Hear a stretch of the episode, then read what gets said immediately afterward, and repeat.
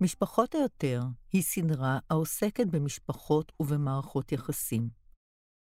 אני רוצה להזמין אתכם למסע מתבונן בתופעה חברתית מתרחבת של נשים הבוחרות להביא ילד לעולם, כשהזהות של האב לעד תהיה עלומה.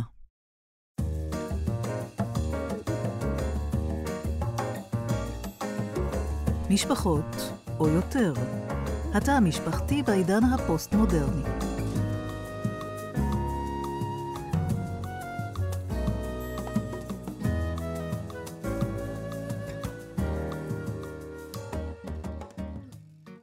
היי, אני עמליה חציר, מטפלת זוגית ומשפחתית, ואנחנו נדבר היום על חד-הוריות, נשים שהביאו ילד מתרומת זרע. הלכתי לפגוש היום אימא חד-הורית, את נורית. נורית יוצאת לקראתי ולוחצת לי יד עם צמידים מרעישים. כדי לפגוש את נורית, אני נוסעת צפונה, והיא נותנת לי הוראות לפנות לכיוון מערב באזור הבנייה.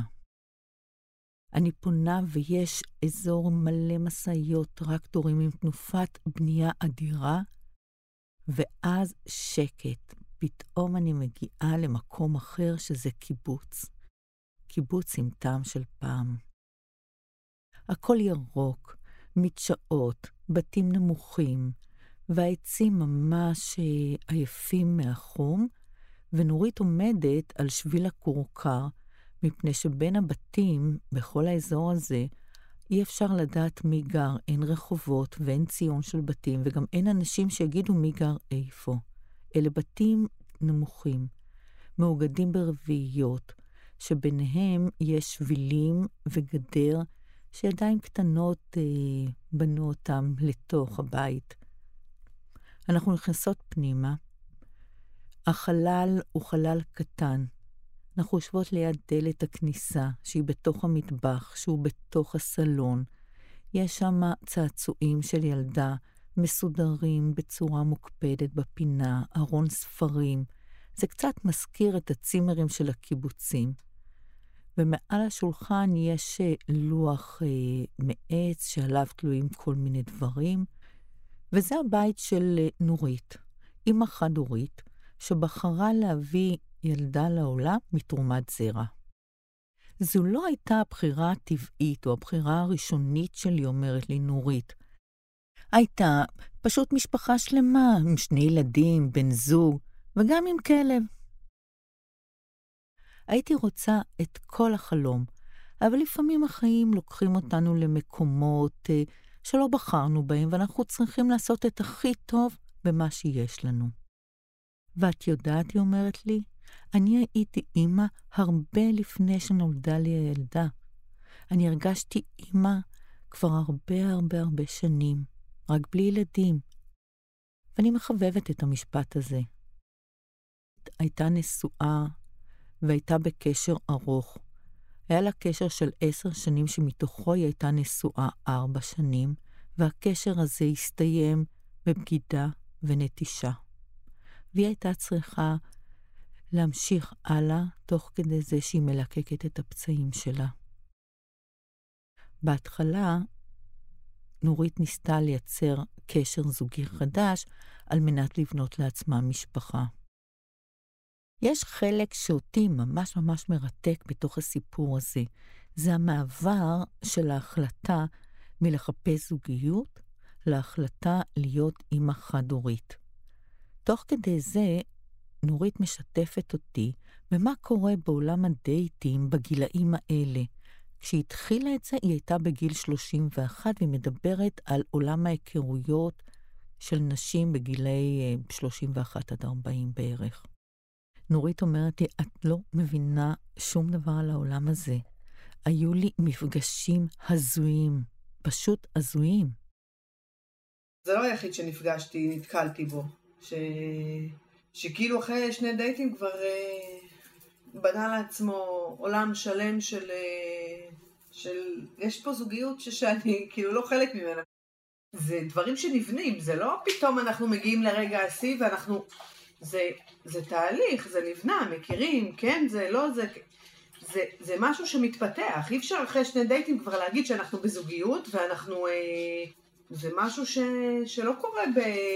לי בכל אופן, יכול להיות שיש אנשים שזה קורה להם, אני לא, לא יודעת, אני לא, זה לא נשמע לי אמין. זה, זה גורם לי ל, ל, להתכווץ, להיסגר ו, ו, ולהרגיש שיש פה משהו לא אמיתי. ש, ש, שהבן אדם שממול לא רואה אותי. בגילאים מאוחרים, יצירת קשר זוגי היא לא פשוטה. כל אחד מגיע עם המטענים שלו, עם הפגיעות שלו, או עם הקושי שלו לייצר זוגיות או לייצר אינטימיות. הנושא הזה מאוד מעניין אותי, מפני שכל המחקרים שקראתי עליהם, על זה שהחבר'ה הצעירים מבלים הרבה יותר זמן מול מסקי הטלוויזיה ומול המחשבים, והם מאבדים את היכולת ליצור אינטראקציות חברתיות אמיתיות עם אחרים. נורית אומרת לי, הם מייצרים סוג של uh, זוגיות, אבל הם בעצם לא לוקחים בחשבון שזוגיות זה זוג, שיש שם מישהו מולם. אני כאילו בתוך זוגיות, ואני לא חלק ממנה. אני לא ממש מצליחה להבין מה שנורית אומרת. ואז אני אומרת לה, את יכולה להסביר לי איך זה עובד או על מה את מדברת? ואז היא אומרת לי, תראי, היה לי שני דייטים עם מישהו, שהיה נראה מאוד נחמד וזה עבד טוב, אבל בדיוק לפני שהיינו צריכים לצאת לדייט השלישי, ואנחנו בכלל לא זוג, זה סתם אה, דייט שלישי, הכלבה שלי נדרסה, התקשרתי אליו ואמרתי לו שאני לא יכולה להיפגש, והייתי כולי נסערת מהתאונה הזאת שהייתה לכלבה שלי, והוא פתאום מתחיל לשטוף אותי בגל של סיסמאות. ככה, ככה את בחיים לא תוכלי לייצר זוגיות, מי שמרגיש משהו ולא יכול לשתף אחרים, ואם כואב לך ואת לא משתפת, לא יהיה לך בחיים זוגיות. את לא תצליחי ליצור זוגיות. והיא אומרת לי, הוא ממשיך לטחון ולטחון, ואני כולי בוכה בגלל הכלבה בכלל, והוא ממשיך לדבר איתי ולהפריח כל מיני סיסמאות. בסוף לא הייתה לי ברירה, אני ניתקתי, אנחנו בכלל לא זוג, מה לי ולא? אני פשוט רציתי לשבת ולהתאבל על הכלבה שמתה לי. וזה לא הדוגמה היחידה, נורית אומרת לי. הם לא יודעים לייצר זוגיות, הם לא יודעים לייצר אינטימיות. כאילו יש שם איזושהי מערכת או מערכת יחסים מדומה שהם בונים בראש, ואני לא איתם. זה היה ממש לא הגיוני. נורית אומרת לי, תראי, יש כאן גברים בני 40 פלוס, שמעולם לא היו בקשר זוגי או באינטימיות. הם לא יודעים בדיוק איפה הגבולות שלהם, איפה הגבולות שלי ואיפה הגבולות של הקשר. את יודעת, לא הצלחתי לייצר שום מערכת זוגית טובה בשלב הזה של החיים. והייתי במערכת זוגית במשך הרבה מאוד שנים, אני יודעת על מה אני מדברת. והיא אומרת, בגיל הזה, בתקופה הזו, גברים פשוט לא מבינים, או חלק מהגברים לא מבינים, מה ההבדל בין uh, מה שקורה על המסקים לבין המציאות. הם רגילים לכוכב שמיד נולד בלי עבודה קשה. הם רגילים אולי לסקס דרך הרשת, שלא צריך אה, מישהו אחר מולם, אלא מספיק להתרכז בעצמם. הם רגילים מצד אחד להתפשטות בכל תוכנית בישול, בלי קשר, ומצד שני, בכל הרשתות החברתיות ובפייסבוק, כל אחד מייצר לעצמו איזושהי מציאות אידילית, ושולח תמונות או מספר על עצמו רק את החלקים המדהימים והטובים, ששוב, אנחנו נמצאים במקום שהמציאות היא לא באמת מציאות אמיתית, היא רק וירטואלית. אני שואלת את נורית, אה, האם יש חלק גם לצד השני בתוך הקשר, או אי היכולת לייצר קשר? ויש שם שתיקה. הייתה לי תחושה שהיא באמת לא מנסה להיכנס שוב למקומות האלה, או לחטט, או לחקור בזה. אמרתי, אוקיי, אנחנו נמשיך הלאה. אבל פתאום היא אומרת לי, את יודעת, עכשיו שאת מדברת על זה, הייתי בזוגיות עם איזה בחור שהוא היה ממש בסדר. היה לנו כמה מפגשים, ואחרי זה עברנו אפילו לגור ביחד, ורק אחרי שנפרדנו, הוא אמר לי את הדברים האלה. האחרון שיצאתי איתו, יצאנו כמה חודשים, וגם הייתה תקופה שניסינו לגור, שגרנו יחד, ונפרדנו כי אני הבנתי שזה לא... שזה לא, שזה פשוט לא קורה, כאילו, לא היה שום דבר דרמטי, הוא בן אדם מקסים, ו... ו... אבל הבנתי שזה פשוט לא קורה, מה ש... ואז אחרי שנפרדנו, היה איזה פעם שיצא לנו להיפגש, באתי לקחת משהו משם, או שהוא הביא לי משהו כזה, כאילו, ואז הוא אומר לי. זה היה איזה שבועיים בערך אחרי שנפרדנו, משהו כזה, ואז הוא אומר לי, אני יכול להגיד לך משהו? אני אומרת לו, כאילו, כן, תגיד, מה? הוא אומר לי, אני חושב, הוא אומר לי, והוא צדק. הוא אומר, אני חושב שזה לא מודע אצלך, את לא מודעת לזה, אבל את לא מחפשת בן זוג, את מחפשת אבא. את יותר רוצה להיות אימא ממה שאת רוצה זוגיות כרגע. פתאום נורית לא מטילה את כל האחריות רק על הצד הגברי, בכישלון הזה של מערכת היחסים. השעון המתקתק הזה שלה גורם לה לא לראות את האחר, לא לראות את הגבר, אלא לראות בו רק את האבא הפוטנציאלי לילד שהייתה רוצה. והיא בעצמה לא רואה אותם לא פחות ממה שהם לא רואים אותה. ותוך כדי זה שהיא מדברת, אני מרגישה שההבנה הזאת מחלחלת ומתגבשת אצלה תוך כדי הדיבור איתי. וזה היה מרתק, זה היה מעניין לשמוע את זה ולראות את זה עכשיו, כשהיא רגועה ויכולה לבחון את הדברים ולראות אותם. היא אומרת, ניסיתי לקצר את הדרך. כל מה שלא היה נראה לי שזה מוביל לעניין, ומהר, פשוט פסלתי אותו, ובעצם הקיצור דרך מנע ממני את האפשרות להגיע לחלום שכל כך רציתי, להיות בזוגיות ולהקים משפחה. אבל הקשר הזה שהיא רצתה לא התגבש ולא יצא לכלל פעולה, והיא מחליטה לפעול ולנסות למצוא זוגיות להורות דרך אה, הורות אחרת, הורות משותפת. היא פונה לאתר והיא אומרת לי, באופן מוזר אני פוגשת את אותם גברים שלא רציתי להיות בזוגיות איתם באותו אתר. בהתחלה חשבתי לעשות אותה, לעשות ילד עם בהורות אחרת. אה, נרשמתי לאיזה אתר כזה של אה, הורות אחרת, וזה היה ממש מוזר. זה כאילו לצאת לדייט, אבל לא רומנטי. זה להכיר שותף להורות בעצם. את יוצאת לפגישה עיוורת, כמו שאת, אבל לא, לא רומנטית. וזה היה נורא מוזר. זה כאילו גם מצאתי את עצמי, אלה שפסלתי לזוגיות, אז פתאום אני מוצאת אותם פה, אז אמרתי, אם פסלתי אותם לזוגיות, למה שאני ארצה ש... אם, לא, אם, אם פגשתי את אותם טיפוסים, לא אותם אנשים ספציפית, אותו סוג של טיפוס.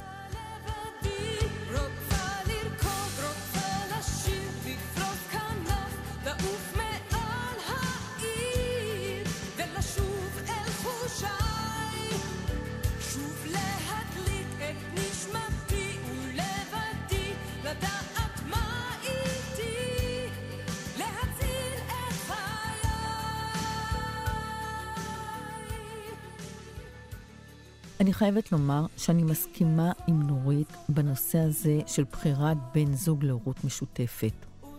יש כאן אדם שילווה אותך לכל אורך החיים ברגע שאתה מביא איתו לעולם ילד ואתם הורים ביחד. אי אפשר לגרש אותו, אי אפשר להתגרש ממנו או לגרש אותו מתוך הילד. אתה צריך לדעת שהבן אדם הזה שאתה בוחר, יש לו איזשהו חזון דומה לשלך. יש לכם שפה משותפת, אתם יכולים לייצר אה, הורות שהיא טובה. וזה לא פשוט, זה ממש עבודה קשה, לא פחות מאשר לייצר זוגיות, אולי אפילו יותר, מפני שזוגות שמאוהבים ויש ביניהם אינטימיות, כשיש איזושהי מחלוקת בנושא הילדים, הם uh, מצליחים לפשר או לגשר על הדברים בעזרת האהבה שלהם.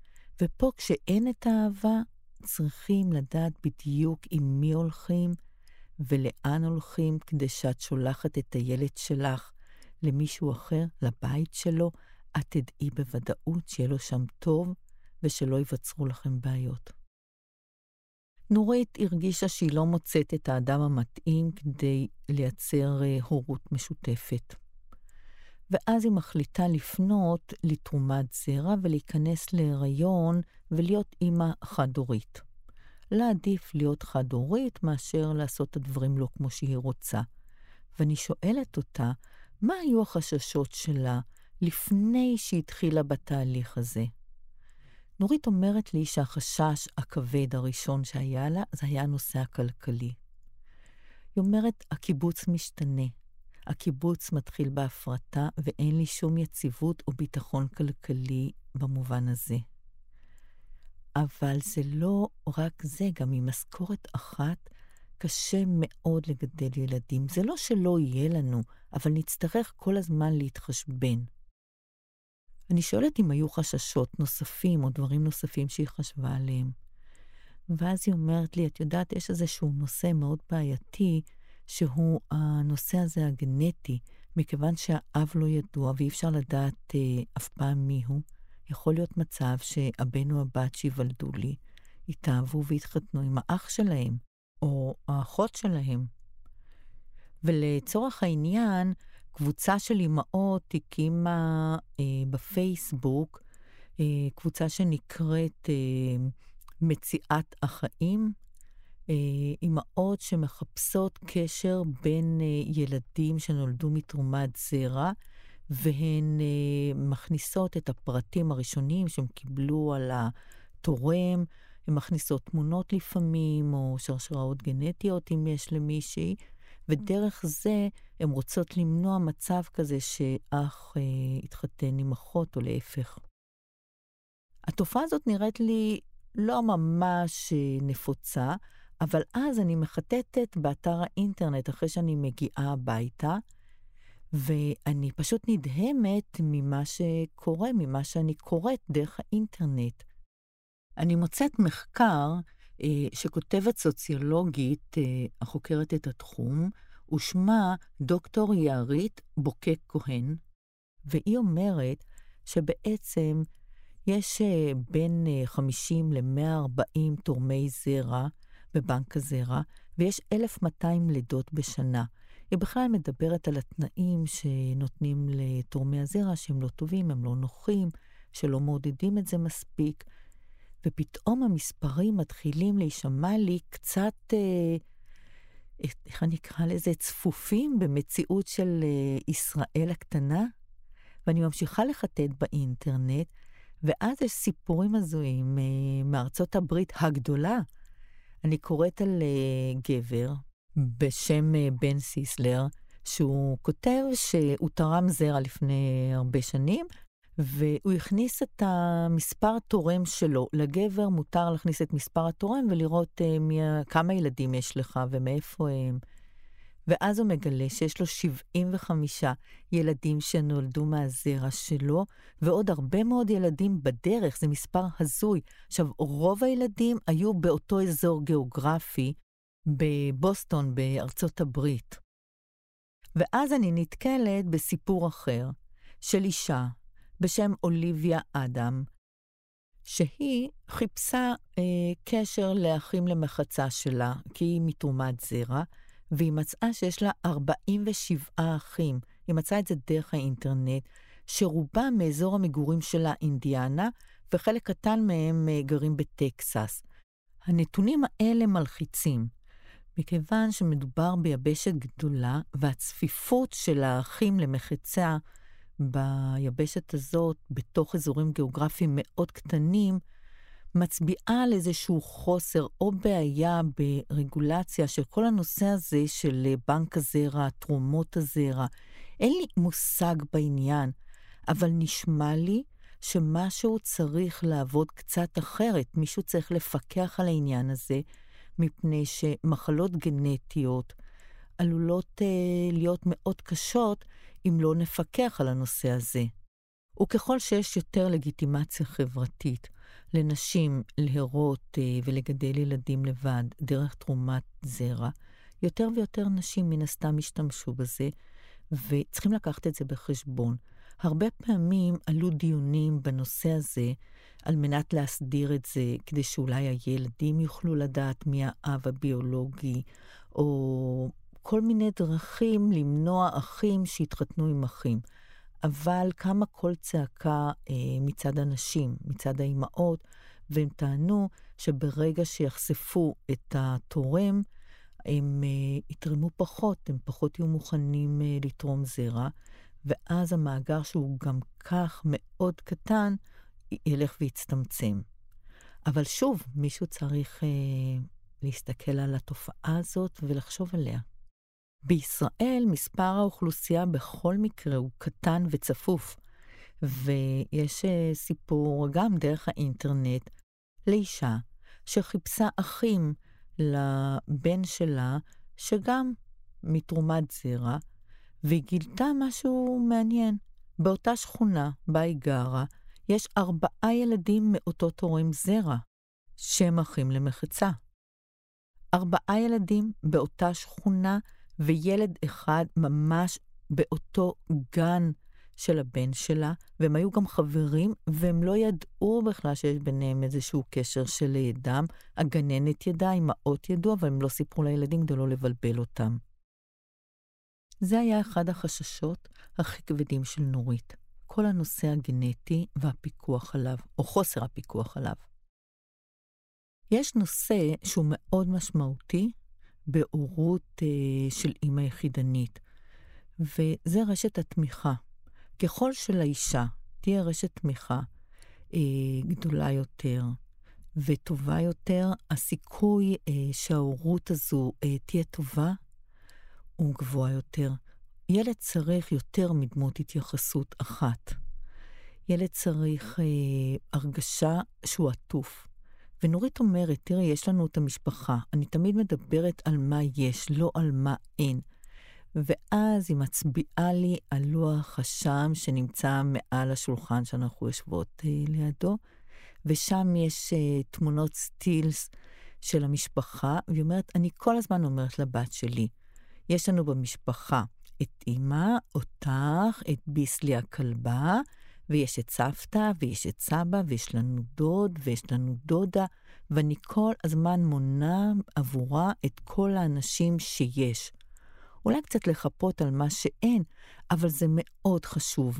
זה גם חשוב לאימא מפני שישנם הרבה מקומות שבהם צריכים, צריכים עזרה. כשהאימא מרגישה לא טוב, כשהיא צריכה ללכת לאיזשהו מקום וצריך שמישהו ישמור.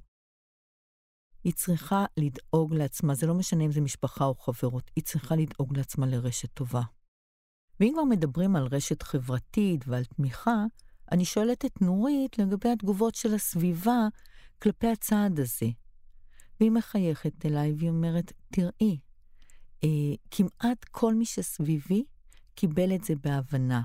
עכשיו, אני לא יודעת אם זה קשור לזה שהייתי נשואה וזה נכשל ולא הצליח וזו לא הייתה האופציה הראשונה שלי, או לזה שאני כל כך בטוחה בעצמי, ואני שלמה עם הצעד הזה, ואני שלמה עם מה שאני עושה, אז האחרים גם מקבלים את זה בצורה טבעית וזורמים עם זה. גם בעבודה, גם במשפחה, גם עם החברים. זה פשוט חלק מזה. ואת יודעת מה היא אומרת? לפעמים נדמה לי שבקושי יש זוגות נשואים שהם שניים עם ילדים, יש מיליון ורסיות למשפחות, ואני אחת מהן. יש לי משפחה, אני, הבת שלי וביסלי הכלבה. זו המשפחה, והביסלי הזו לא הפסיקה ללקק לי את הרגל כמעט כל הריאיון. אני שואלת את נורית, האם אה, היא מעוניינת בזוגיות, או מה בקשר לבן זוג עכשיו? והיא אומרת לי, אני מלאה. יש לי את המשפחה שלי, כמו שאמרתי, ואני לא זקוקה לעוד מישהו. יכול להיות שבעתיד אני ארצה, אבל עכשיו ממש לא. ואז היא חושבת קצת ואומרת, את יודעת, זה שיש לי ילדה רק יכול לעזור לי בעתיד למצוא בן זוג, מפני שאני פחות לחוצה. וגם אפשר לייצר כל מיני סוגים של זוגיות, לא צריך לחיות ביחד. מבחינתי הכל טוב, אבל יש דבר אחד שכן הייתי רוצה, להביא עוד ילד לעולם, שהבת שלי לא תהיה ילדה לבד, אבל רק, אך ורק אם אני אוכל לאפשר את זה לעצמי כלכלית. כרגע זה לא יכול לבוא בחשבון. נורית פתאום שותקת, והשתיקה הזו אה, מביכה אותי קצת, ואני מנסה לסיים את הרעיון, אבל אז היא אומרת לי, שאלת אותי על חששות. אני רוצה לשתף אותך. את יודעת, כשהייתי בהיריון, אה, בבת שלי, ישבתי מול הטלוויזיה, ואז הייתה תוכנית שבה אה, ראיינו ילדים אה, שנולדו לאימהות מתרומת זרע. עכשיו, הייתי מרותקת, ואני רואה שיש שם שתי בנות, הן לא תאומות, הן אחיות, והן מדברות, אחת מהן מדברת אל האימא בצורה ממש בוטה, ואומרת לה, את לא היית צריכה להביא אותי לעולם, זה מעשה שלא יעשה. לא צריך להביא ילד לעולם שלא יודעים מי האבא שלו ואין לו אבא, ובכל זאת יש בן אדם שמסתובב בעולם והוא האבא שלו. ואז נורית שותקת, והפנים שלה מתקרקמות קצת, והיא אומרת לי, שאלת אותי על החששות שלי? החשש הכי גדול שלי זה היה שתיוולד לי הילדה, והיא תכעס עליי. היא תכעס על זה שבחרתי להביא אותה לעולם. כשהייתי בהיריון ראיתי סדרה של, ראיתי תוכנית, הייתה בדיוק תוכנית של אה, ילדי בנק הזרע. יואו, אני זוכרת, אני, אני, היא בבטן כאילו, ואני רואה את זה ואני אומרת, יואו, יואו, יואו, רק שהיא לא...